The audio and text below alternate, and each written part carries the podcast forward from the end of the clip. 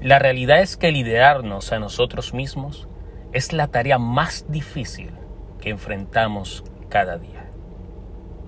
Hola, soy Freddy Guevara y bienvenidos a The Freddy Guevara Talk Podcast. La fundación, el fundamento de todo líder es su carácter.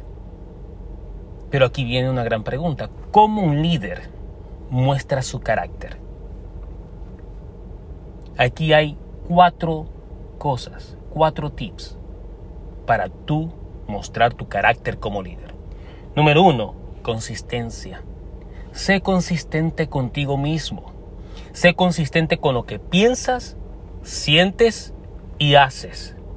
Y no importa de quién estés rodeado, con quién estés hablando, con quién estés lidiando, liderando o siguiendo, siempre sé tú mismo.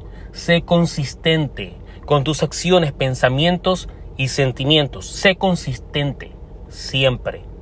Así es como un líder muestra su carácter.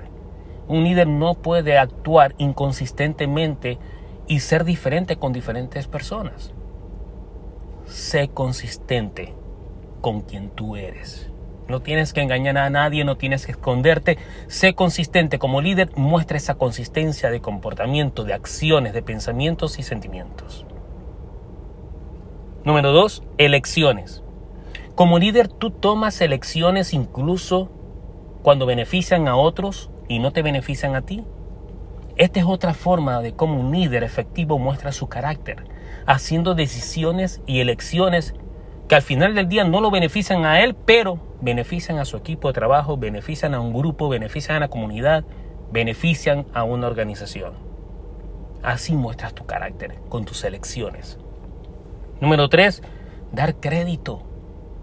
Ten humildad de reconocer la contribución de otros. Dale mérito a quien se merece.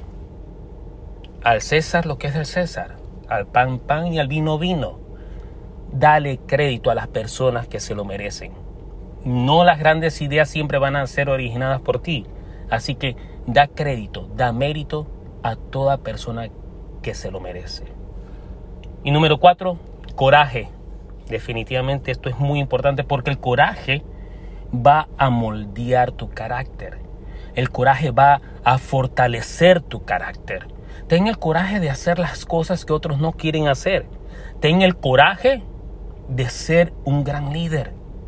Hay que tener coraje para tomar decisiones y ser no popular y, decidirse por hacer cosas que, aunque otros crean que no es el camino, tú sabes que a largo plazo es el mejor camino para todos. Ahí te dejo esos cuatro tips para que muestres un carácter de líder. Recuerda, sé consistente, Tomas elecciones sin importar quién se beneficia con tus decisiones, dale crédito a quien se merece y ten el coraje para convertirte en el líder que quieres ser. Hasta la próxima.